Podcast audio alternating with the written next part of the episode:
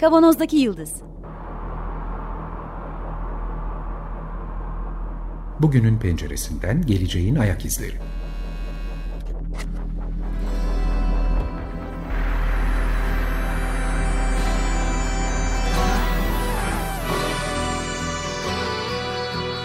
Hazırlayan ve sunanlar İsmail Başöz, Haluk Levent, Mustafa Yılmazer ve Fethiye Erbil.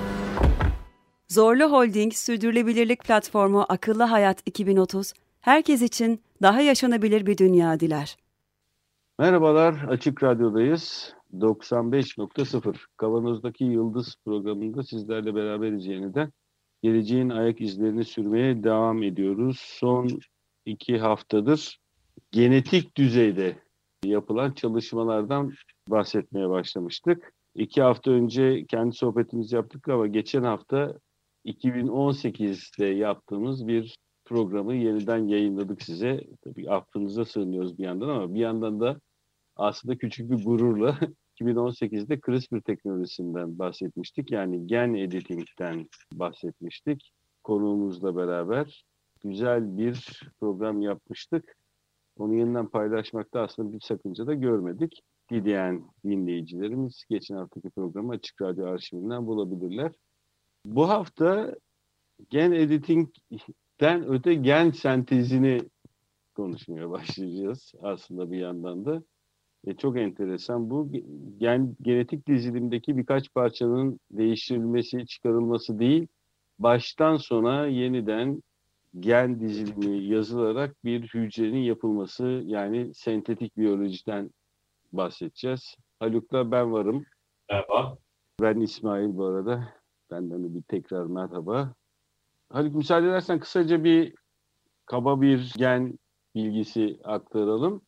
Malum canlıların vücudundaki proteinlerin üretimi ve şekillenmesini sağlayan kodlama bizim gen noktalarımızda oluşturuluyor.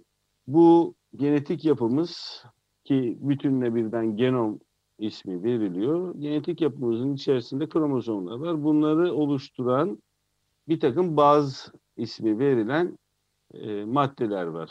İşte belki bir yerlerde ilgililer e, fark etmiştir. A, T, C, G harfleriyle sembollenen açılımları adenin, timin, sitozin ve guanin olan bir takım bazılar var. Bunların altında da aslında bu bazıların her biri e, dört temel kimyasal e, maddenin karbon, azot, oksijen ve hidrojenin değişik şekillerde bir araya gelmesiyle e, her birinde farklı şekilde bir bir araya geliş gerçekleşiyor. E, oluşan maddeler bunlar. Bunların öncelikle şey söyleyelim, adeninle timin birbiriyle bağlanıyor. Sitozinle guanin birbiriyle bağlanıyor. E, hepsi yan yana gelip bir sarmal şeklinde de oluşturarak o büyük gen haritamızı oluşturan harfleri, harf dizilimlerini e, oluşturuyorlar. A, T, G, C harflerinin değişik şekillerde dizilimi bizim değişik bünyeler halinde olmamızı sağlıyor ya da canlıların değişik canlılar halinde olmasını sağlıyor. Aslında bütün canlılarda bu dizilimin temel e, bazıları aynı. İnsan genomunda 6 milyar tane bunlardan var. Yani bunların 6 milyar değişik diziliminden bahsediyoruz. Diğer canlılarda daha farklı sayılarda. Şimdi biz gen sentezinden bahsettik, e, bahsedeceğimizi söyledik ama insan sentezi değil daha henüz söylediğimiz şey. Hücre sentezi tabii ki şu anda konuştuğumuz, konuşacağımız ve dünyada da gelişen süreçte başarılan olay. Bu gerçekten bu genetik materyallerin yan yana kodlanarak dizilimi doğru sağlanarak hücre sentezi artık yapılıyor, yapıldı. Hatta ilk 2010 muydu? Haluk'la tartışıyorduk 2010, 2013. Ben 2013 diye hatırlıyorum ama sen 2010 dedin. Neyse ya o ya o yani ikisinden. 2010'da ilk sentetik hücre sentezi yapılıyor ama bu, bu yapılan hatta ismi de Cynthia adı verilmiş değil mi? Evet Cynthia. Dan Gibson ve ekibi tarafından gerçekleştiriliyor.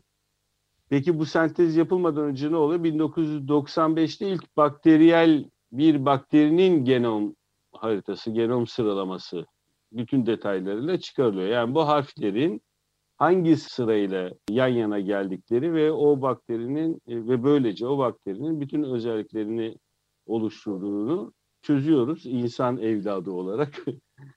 ve arkasından da bu dizilimi yan yana koyarak da 2010'da ilk sentetik hücreyi sentezliyoruz yine e, yine bir insan türü başarısı mı diyeceğim artık bence başarı açıkçası. Ya tabii bence de başarılı da e, sonuçları sonuçta bu teknoloji bütün diğer teknolojilerde olduğu gibi nötr. Yani çok çok iyi sonuçları da olabilir ama işte uygun olmayan kullanımlar e, söz konusu olduğunda berbat noktalara da taşıyabiliriz. Bunun programın sonunda biraz daha üstünde duracağımız bir konu bu tabii. Peki Evet. bu sentezi oldu. Nasıl sonra ne ne yapıldı? Işınlama falan da gerçekleşmeye başladı artık değil mi? Biyolojik ışınlanma, teleportasyon. Evet, bu bir Star Trek'teki ışınlamayla karıştırmıyorum.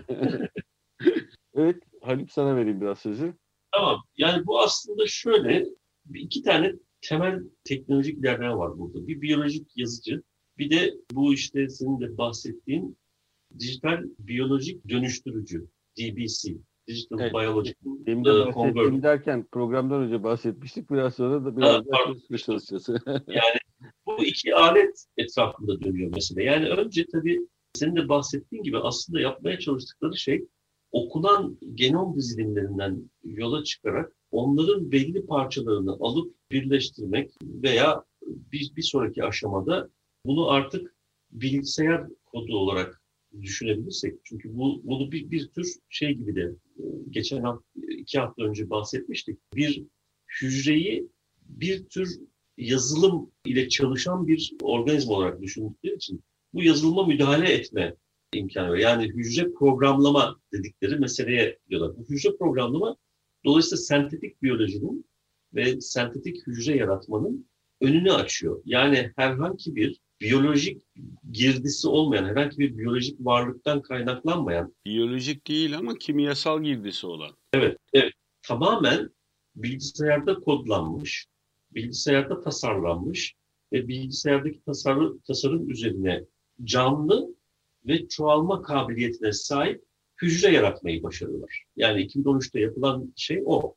Herhangi bir canlıdan alınan bir takım hücrelerin birleştirilmesi, işte orasının burasının değiştirilmesi, o değişik e, dizilimlerin e, yeniden birleştirilerek yepyeni bir türün ortaya çıkartılması değil. O zaten çok uzun zamandır daha geleneksel yöntemlerle e, yapılıyordu. E, ama bu Şey bilgisayar Ağaçların aşılanmasından mı bahsediyorsun? yani o, o, o da tabii geleneksel olarak şey abaküsle bilgisayarı karşılaştırmak gibi oluyor ama sonuç itibariyle ikisi de hesap yapabiliyor yani. evet. Öyle değerlendirebiliriz onu. Burada bu programlama mantığını ortaya koyan makale 2000 yılında yazılıyor aslında. Ondan sonra biraz iş çığırından çıkıyor. 2004'te de bu genom okuma projesi sonuçlanıyor ve sonra tabii bir yazılım e, gibi görüp onları bir fabrika gibi görenler falan da var. Bir de bu işte okuma işi tamamen bitirilince bu niye bunları yazmıyoruz diye insanların aklına gelmeye başlıyor. E, Ve bu gen yazılımı konusunda ilerlemeler 2010'dan sonra çok süratleniyor. İşte bu yaz- yazılımı kolaylaştıracak tasarım yapmak üzere ya da işte gen havuzunu kullanarak çeşitli tasarımlar yapmak üzere AutoCAD benzeri program yazmak için yola çıkanlar var. E, ama en kabul edilen ve somut uygulamaları gerçekleştirenler de işte bugün konuşmaya başladığımız Gibson ekibi. Dan Gibson'ın e, ekibi. Bu bir hayli kalabalık ve dünyanın yerlerinde de araştırmacıları olan bir şirket aslında. E, bir şirket. Yani bir uygulama şeydi. Çin'de H1N1 salgını başladıktan sonra yani bildiğimiz influenza yani grip virüsünün salgınından bahsediyoruz. Çin bu virüsün genomunu, genetik dizilimini çözüyor ve bu ekip o Kuş gribi evet. O dizilimi, o e, genomu, o virüsün genomunu istiyor. Hükümetin de onayıyla beraber istiyor. Hatta hatta hükümetin isteğiyle e, Yok onay gerçekleştiriyor. veriyor. Onayıyla, onay her neyse. Ve onlar Ee, da e, virüsü alıp e, pardon, virüsün genetik kodunu alıp üretiyorlar hızlı bir şekilde ve buna karşı aşı geliştirmesi konusunda çok hızlı bir hareket geliştiriyorlar. Evet, Neden hızlı oluyor? Çünkü öbür türlü o eski yolla olsaydı o virüsün örneği Amerika'ya bildiğimiz yollarla, gemilerle, işte her neyse uçakla vesaire o virüs getirilecekti. Ve işte eski teknolojide yumurtaların yumurtanın içerisinde çoğaltılması sağlanacaktı.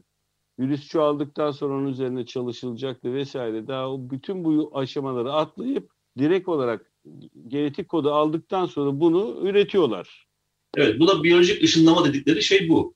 Yani bir yerde birileri sentetik olarak işlenebilecek bir kodu bilgisayara, dijital ortama aktarıyor.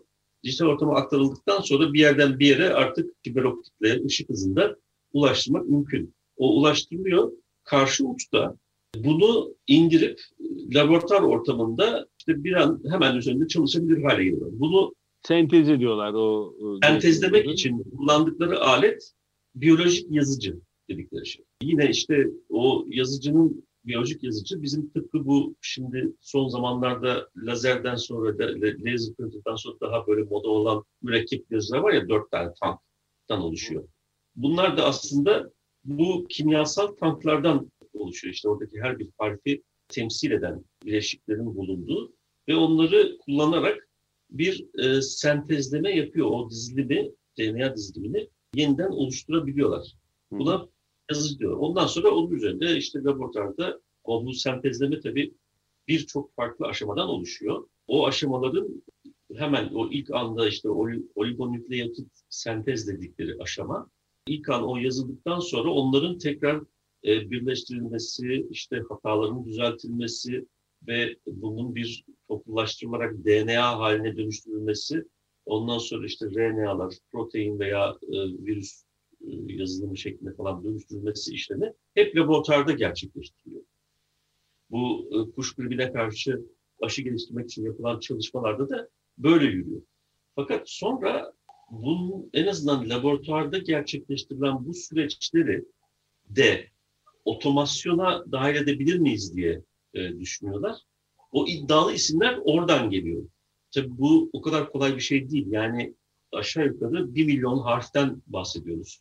Böyle basit bir e, organizmanın gerçekleşebilmesi Ve için. hatasız dizilmesi gerekiyor. Evet ve hatasız dizilmesi Tek gerekiyor. bir harf hatası olmadan dizilmesi gerekiyor. Evet, tek bir harf hatası sonucu tamamen değiştiriyor çünkü. Dolayısıyla bu romanda bu, bunun yarısı kadar var. Yani bir milyon harf dediğimiz zaman bir romanın iki katı olduğundan falan da e, bahsediyorlar. Dolayısıyla öyle kolay bir iş değil aslında. Yani şimdi Sonra- romandan ro- romandan romanda değişir. Üç ciltlik romanlarımız da var yani. E, yaratıcılık kısmı var şimdi o harflerin sıkı bir şekilde yani e, en azından sentetik de olsa sonuç itibariyle bir bazdan rep- replike ederek bir onu tekrarlayarak ve ufak tefek değişiklikler yaparak bir şeyi çıkartıyorsun. Ama o roman dediğin tamamen baştan aşağı yaratıcılık gerektiren bir şey sonuç itibariyle harflerin rastgele ya da neyse yani belli bir düzende dizilimi söz konusu elbette ama onun e, yaratıcılık boyutu daha önemli buradaki çalışmaya göre. Ee, ama sonuç itibariyle hani e, insanların kafasında canlan, yani benim kafamda canlandırmak için önemli bir referans oldu. Yani bir roman düşün, o romandaki harflerin her birinin yanlışsız olarak her defasında, üstelik çünkü birçok defa yapma imkanı var, her defasında bir araya getirilmesi gerekiyor. Ya şimdi tutunamayanlar Evet. e, romanını alıyoruz. Bütün harfleri yan yana koyuyoruz. Topu topu bir hücre mi çıkarıyoruz oradan yani? Ee, öyle gözüküyor. Tek bir Ama o hücre. hücre, o hücre dediğim hücre yaşıyor ve çoğalabiliyor. Yani Ha, aslında işte, oradan evet. başka şeyler sonuç itibariyle. İşte iki hafta önce tartışıyorduk. Şimdi o nötr hücrelerin e, spesifik hücrelere nasıl dönüştükleri konusunda bilgi sahibi değiliz. Onu çözmeye çalışıyorlar. Onu çözmeye başladıkları, başardıkları zaman sentetik organlar, şunlar bunlar falan yapılması mümkün olacak ki o bambaşka bir noktaya götürecek meseleyi. E, burada da ama yine çok önemli bir yani devrim sayılabilecek bir teknoloji bu. Çünkü bu hep e, zaman zaman referans veriyorduk. Endüstri 5 5.0'ın temeli bu işte.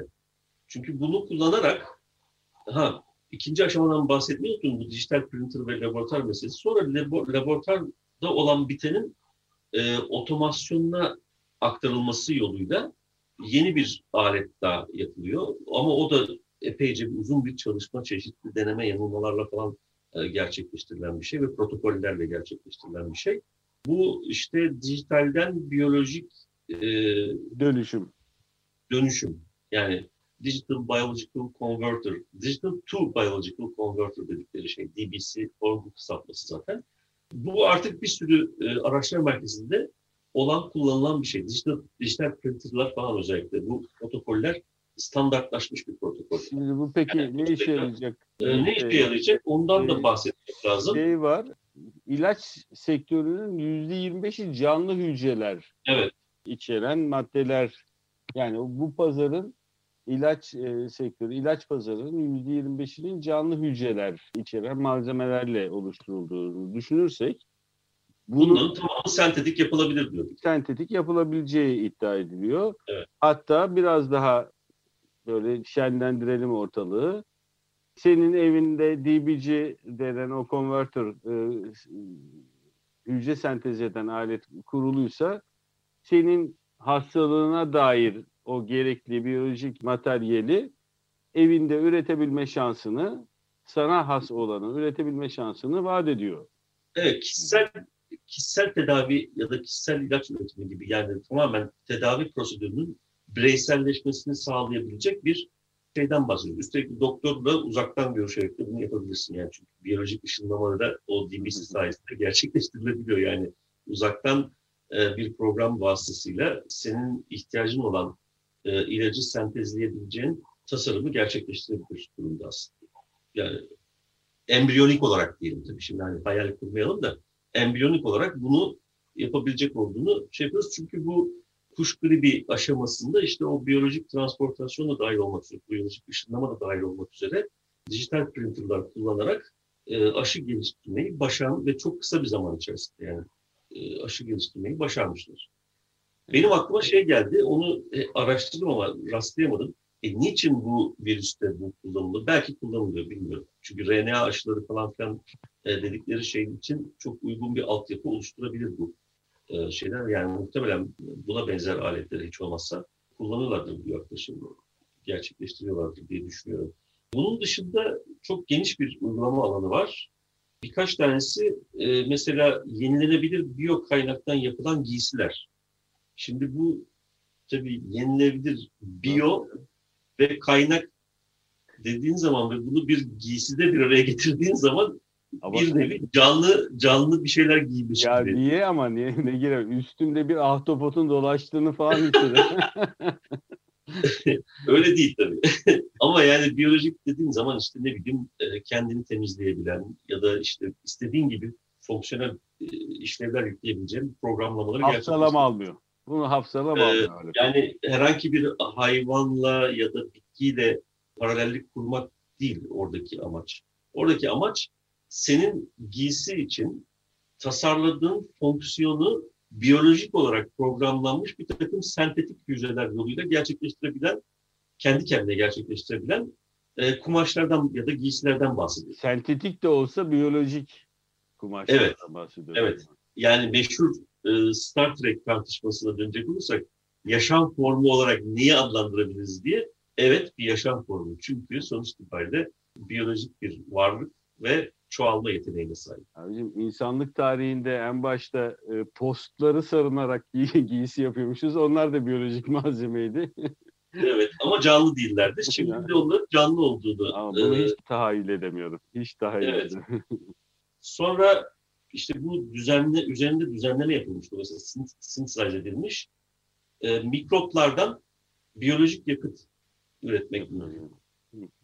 İşte kişisel, kişiselleştirilmişten şey yaptık. Sonra bu bunu kısmen e, artık yavaş yavaş yapılmaya başladı. Biyo çözünür polimerlerden plastik. Yani Evet. e, bu, bu bence en önemli e, malzemelerden bir tanesi bu. Çünkü bu fosil yakıtları hayatımızdan çıkartalım diye uğraşıyoruz. E, fosil yakıtları hayatımızdan çıkartmak için enerji konusunda geliştirebilecek çözümler en kolay olan. Güneş var, rüzgarı var. İşte e, biraz daha fanteziye dönüp düşünecek olursak e, nükleer füzyon var. Değil mi? Bizim programa ismini veren. olacak, olacak. Mutlaka. Ee, bunların hepsi yolda. Evet. Dolayısıyla enerji kısmı. Fakat bu özellikle petrolden elde edilen türev ürünler hayatımıza çok e, vahşice girmiş durumlar. Yani elimizi nereye atsak plastik bir malzemeden bahsediyoruz. E, bunların ayrıca tabii çevresel etkileri çok berbat, oldukça e, sorunlu. Ama eğer fosil yakıtları yerin altında bırakacaksak, çıkartmayacaksak o zaman bu malzemeleri de ikame edecek malzemeleri bulmamız gerekiyor. İşte bu bir o anlamda bir ışık yapıyor. Yani biyot çözünür polimer. Yani plastik yaratmak için de bir fosil yakıta ihtiyacımız yok. Hücre sentezleyerek bunu biyolojik yollardan e, gerçekleştirmemiz ve üstelik çevreye zarar vermeden gerçekleştirmemiz mümkün olabiliyor. Ve bunun dışında pek çok farklı uygulama alanı evet, evet. İlaçların, e, aşıların ve ilaçların her evet. tarafta daha hızlı üretilebilmesi, daha evet. ucuza mal edilebilmesi söz konusu. Fakat tabii son bir iki dakikamızı şeye ayıralım. Bu kadar güzel, iyimser taraflarından bahsediyoruz. Fakat gerçekten çok kötüye kullanılabilme şansına sahip bir teknoloji bu. Ee, yine bütün teknolojiler gibi programın başında da söylediğimiz gibi nötr bir malzeme, nötr bir teknoloji var elimizde. Bu teknolojide çok korkutucu sonuçlara yol açabilecek işte o zarar verebilecek biyolojik oluşumları da yaratma şansına sahip. Aynı yani bir, bir, bir kere mutasyon yaratıyorsun. Yani mutasyon kontrolden çıktığı zaman ya da kötü niyetli bir mutasyon yaratıldığında sonuçları katlanılamaz ölçüde e, yıkıcı e, olabilir. E, böyle bir problem var. Tabii bu bu teknolojiyi geliştirenlerin aklına geliyor. Tıpkı şeyde olduğu gibi CRISPR'daki işte e, Dudla'nın aklına geldiği gibi. Benim izlediğim bir videoda bu Gibson şey diyordu. Sen de seyrettin galiba onu. Evet böyle bir ihtimal var. İşte bu tür kötü niyetli kullanımlara karşı müşterilerimizin yani bunlardan işte malzeme alan ya da işte teknik destek alan insanların yapmak istedikleri gen dizilimini ya da işte sentezlemek istedikleri şeyin dizilimini kontrol ediyoruz. Şüpheli bir durum varsa hükümete mi? Onu FBI'ye bildiriyoruz ve ilgili kurumlara bildiriyoruz. Yani çok güvenilir bir koruma mekanizması olduğunu söyleyemeyeceğim. Ama tabii yine CRISPR teknolojisinde karşı karşıya kaldığımız büyük problemle karşı karşıyayız. Bu aktiviteleri düzenleyen uluslararası üzerinde anlaşılmış bir yasal zemin e, ve düzenleme söz konusu değil. Bu tartışmalardan bazılarına göz atarken ilginç bir öneri daha vardı. Aslında benim çok da mantıklı geldi. Al Capone'u da ekibimize katarak ancak bununla baş edebildiniz diye. Yani bu bu çalışmaları kimler yapıyorsa herkes de bir şekilde irtibat kurup kendi yani bunun için de toplamamız söz konusu olabilir belki. Hani doğru evet. doğru şekilde kullanımını sağlayacak bir organizasyon kimseyi dışlamadan içine alarak yapılabilir. Evet ama ben halen piyasa mekanizması piyasa mekanizması ve Aynen. üretim araçlarında özel mülkiyet e, devam ettiği sürece, hiç olmazsa bu alanda devam ettiği sürece e, bunda herhangi bir düzenlemenin, kalıcı bir düzenlemenin ve işte tarafların uyabileceği, dolayısıyla çıkarların ortaklaştırılabileceği bir düzenlemenin ve toplumsal çıkarla da ortaklaştırılabilecek bir düzenlemenin yapılabileceğine ihtimal Çok vermiyor. Basit. Bu işleri yaparken ortalama 5 birim para kazanıyorsa birileri, birisi 15 birim para kazanma ihtimalini gördüğü zaman o, o gerekeni, tırnak içinde gerekeni yapacaktır evet, ve bunu engelleyebilecek herhangi bir güç de olduğunu zannetmiyoruz. Çünkü çok kolaylaşıyor artık her şey. Ve gerçekten olağanüstü yıkıcı sonuçları olabilecek teknolojiler. Yani öyle ders silahtan falan berbat. Ama bir son bir şey notla bitirelim. Covid 19 hastalığına yol açan yeni SARS-CoV virüsünün bu şekilde sentezlenmediği defalarca ispat edildi. Bunu da tekrar söyleyelim. İsteyenler bu konulardaki makalelere ulaşabilir rahatlıkla. Buradan işte Covid'de böyle bu şekilde üretildi çıkarımını kimse yapmasın. Covid'in bu konuda suçu yok. Yok Sarsın, çünkü bu, bu konuda hepsinin izi takip edilebiliyor. Sentetik elemanlar ya da sentetik olarak evet, evet.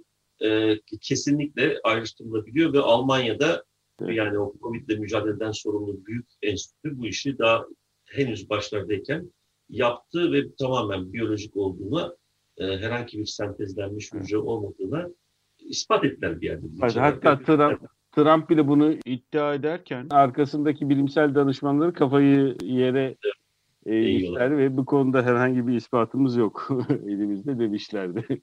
Evet, 20 bin yalandan bir tanesi de buydu. Peki kulakları çınlasın diyelim kendisine. bu haftalık bu kadar. Önümüzdeki haftalarda da yine bu konularda sohbet etmeye devam edeceğiz. Ee, Haluk'la beraberdik. Sentetik biyoloji konusundan bahsettik. Bu programı size ulaşmasını sağlayan bütün Açık Radyo çalışan arkadaşlara çok teşekkür ediyoruz. Program destekçimize çok teşekkür ediyoruz. Önümüzdeki haftalarda tekrar görüşmek üzere. Sağlıkla kalın. Hoşçakalın.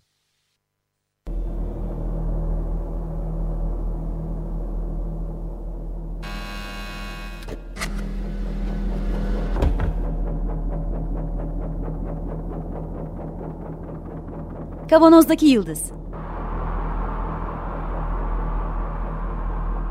Bugünün penceresinden geleceğin ayak izleri.